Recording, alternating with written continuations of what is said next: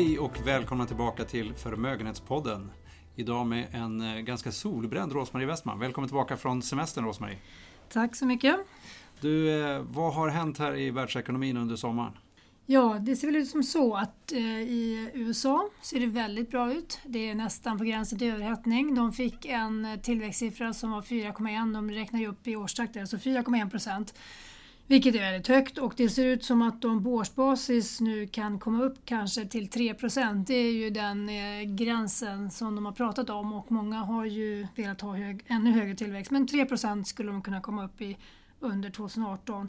Och eh, det är närmast eufori i USA om denna tillväxt, den låga arbetslösheten och eh, man är allmänt väldigt nöjda helt enkelt i USA. Okay.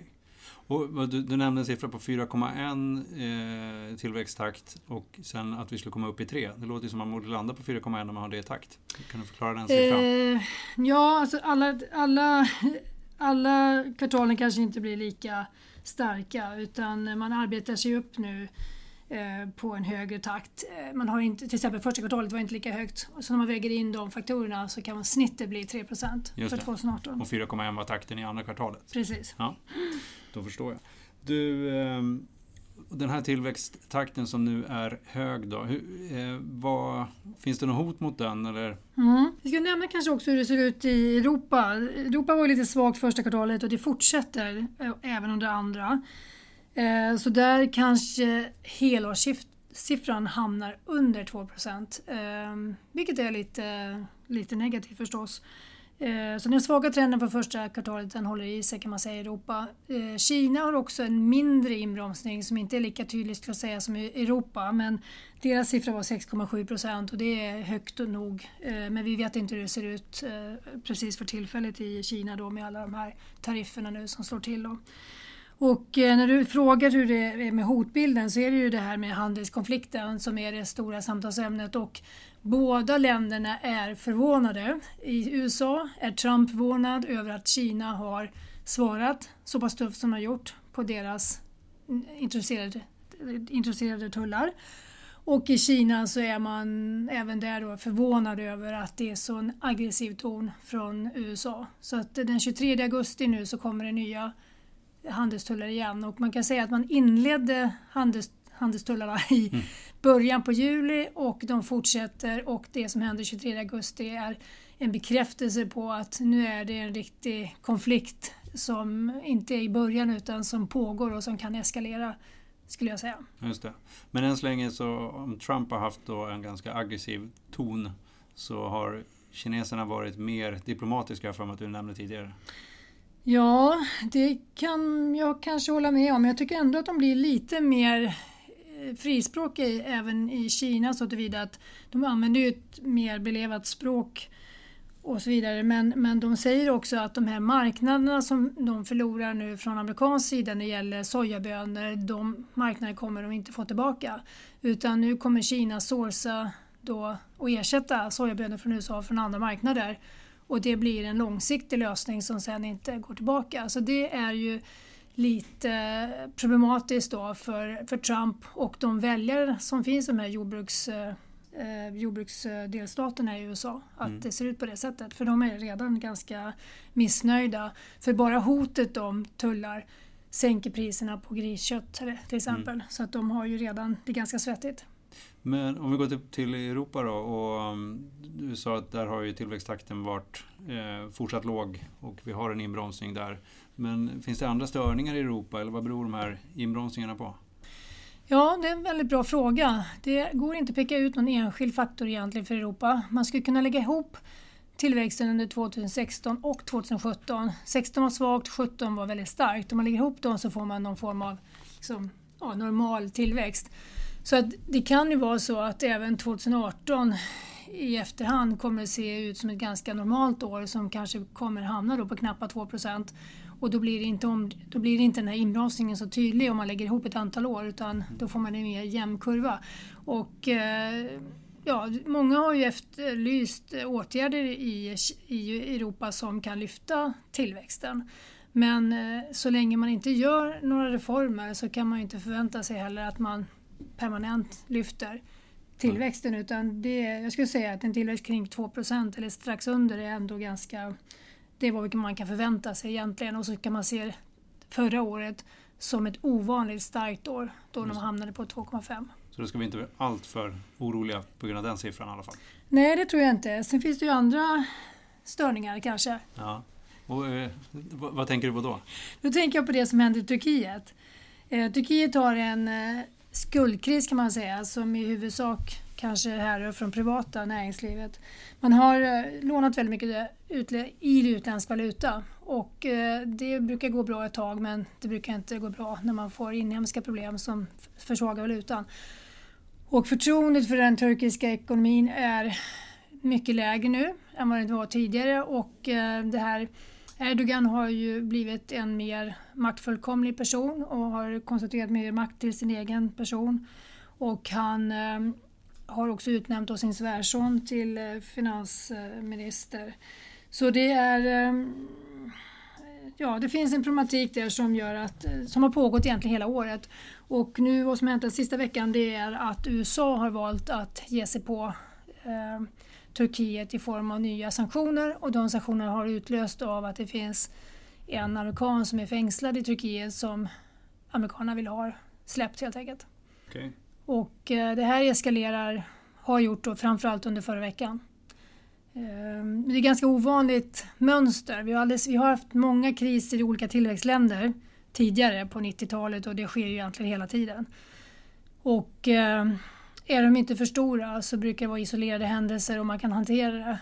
Men man har aldrig sett ett sånt här läge där en stormakt ger sig på ett land som är under begynnande kris som det är nu i Turkiet. Så det här är en ganska ovanlig eh, situation och eh, Turkiet är ju ett NATO-land så man sett ju hela NATO, eh, deras villighet att vara NATO-medlem sätts ju lite grann på spel här. Ehm, eftersom de mycket väl kan välja att lämna den alliansen om det är så att man blir satt under så här mycket tryck. Eh, och, den här upprinnelsen till det här har egentligen ännu längre eh, ja, går tillbaka längre i tiden. Den går tillbaka till statskuppen, eller den, den statskupp som man trodde i alla fall var iscensatts då. Eh, att den personen som är anklagad för den, den statskuppen sitter ju då i USA. Så den personen är ju skyddad av USA. Så det är ju, det är ju en komplicerad bild som det ofta brukar vara. Och hur lång tid pratar vi tillbaka då? Ja, vi pratar ju tillbaka till statskuppen då. Eh, så det är ju, jag vet inte exakt när han kom till USA men vi pratar de senaste åren mm. eh, som de har velat ha honom utlämnad. Just det. Du, eh, ett lappkast här nu då över till hur påverkar det här ränteförväntningarna framåt, ränteläget i USA, Sverige och Europa? Ja, all oro eh, brukar ju ta ner statsobligationsräntorna och det är väl det vi lite grann har sett nu med tillväxtmarknaden. Då, då tänker jag stabila länder. Det smittar ju lite grann på spreadar och vi har ju lite grann oro även i Europa så tillvida att italienska nya, eh, nya eh, regeringen där eh, vill ju åsidosätta budgetreglerna. Ska vi bara förklara vad mm. spreadar är för någonting? Mm, ja. Ränteskillnaden mellan statsobligationer och den räntan som företagsobligationer handlas på brukar kallas för räntespreadar. Då. Och när det blir oro, alltså antingen kan det vara statsobligationsräntorna som går upp och då går företagsobligationer ofta upp ännu mer förstås, eh, så det blir dubbel, eh, dubbel effekt. Eh, och när det gäller, gäller Italien då så är det ju framförallt att de har en väldigt hög statsskuld relativt BNP som då är 130 procent högst i Europa. Eh, och det är ehm, eh, Ja, så det är en, det är en liten oroshärd eh, kan man säga i Italien. Sen om vi tittar på andra saker som händer så är det ju banksystemet blir alltid påverkat när det blir en kris någonstans och när det gäller tillväxtmarknaden då Turkiet så är det väldigt mycket utlåning från just eh, sydeuropeiska banker. Eh, BBVA som är den näst största spanska banken har 18 procent kan man säga av sin balansräkning då mot utlåning till Turkiet. Vilket är väldigt förvånande för det är väldigt, väldigt högt skulle jag tycka själv. 1-2 procent skulle vara ganska rimlig andel av en balansräkning. 18 procent det sticker verkligen ut. Så det, det blir sådana smittoeffekter i den här, i den här krisen mm. som kan slå, som slår lite grann faktiskt mot euron. Men jag skulle säga också det är ju en styrka i, i dollarn som vi ser nu. Så att vi har ju en resa, eh, en mycket starkare dollar mot euron då nere på 1,14 nu. Och, eh, men vi ser inte samma eh, rörelse till exempel i yenen mot, eh, mot dollarn då, utan då stärks yenen. Eh, så att vi kan se en eh, svaghet i euron just nu då på grund av det här med Turkiet. Mm. Eh, och vi närmar oss ett val i Sverige. Vi har nu mindre än en månad kvar till eh, valet. Mm. Vad, hur, hur, kommer det påverka valet, alltså olika utgångar i valet? Hur kan det påverka företagsklimat och, och börser och så i, i Sverige? Vi har ju väldigt bra utgångsläge i Sverige när det gäller statsfinanser och budgetutfall och även tillväxt som det har varit. Mm. Och jag tror att det ger en ganska stabil grund trots allt för Sverige. Sen har vi ju haft en försvagning av den svenska kronan och den kan ju förstärkas, alltså det kan bli ännu mer svag krona i samband med, med riksdagsvalet om det blir ett knepigt utfall. Men eh, marknaden är ganska beredd på ett knepigt utfall och jag tror då som jag säger att det är framförallt i valutatermer som man kan se försvagning med kronan men inte på de andra övriga marknaderna. En svagare krona normalt eh, hjälper ju hjälper börsen och det har vi sett många gånger att vi får vi får inte eh, dubbla neg negativa utvecklingar för både börsen och valutan utan vi får svagare valuta och så får vi då en, en uppåtrörelse i börsen. Just det. Och det är lite grann av det vi har sett nu under sommarmånaderna mm. också. Mm, det är sant. Mm. Eh, men sen eh, går vi vidare till ett val i USA här lite senare. Mm. Det är desto viktigare, eller? Det är mycket viktigt och ehm, det som sker med USA är ju att man ehm, beter sig väldigt mycket annorlunda med den nya presidenten och eh, skulle det bli så att Demokraterna eh, tar tillbaka då representanthuset och får majoritet där så kommer det bli ännu svårare att få igenom några reformer. USA har i huvudsak bara tagit en enda stor reform på två år. Det är inte något dåligt facit kanske men de har, de har, fått, de har tagit sin stora skattereform. Sen har ingenting annat blivit gjort utan sen är allting andra, allt annat som blir gjort gör presidenten på egna initiativ. Och eh, det går ju att begränsa presidentens makt om man tycker att eh, alltså det, det går ju men det kräver väldigt hög andel. Eh, två tredjedelars andel och, och kanske ja, så att det blir, mycket, det blir svårt att stoppa vissa saker som rör handeln och som, gör, som rör utrikes eh, politiken. Men eh, vi såg ju efter det här toppmötet som skedde i Helsingfors i början på juli att när man blir tillräckligt stressad i kongressen då händer det saker där båda partierna agerar för att begränsa eh, då presidentens makt. Och det hände då efter det mötet där man begränsade och eh, eh jag ska inte säga att det begränsade i allmänna termer men det begränsade möjligheterna att släppa sanktioner naturligtvis, det har de redan tidigare, men också att eh, hot om nya sanktioner mot Ryssland. Så där kan man säga att man vinklippte ju Trump efter att han kom hem från det mötet. Just det.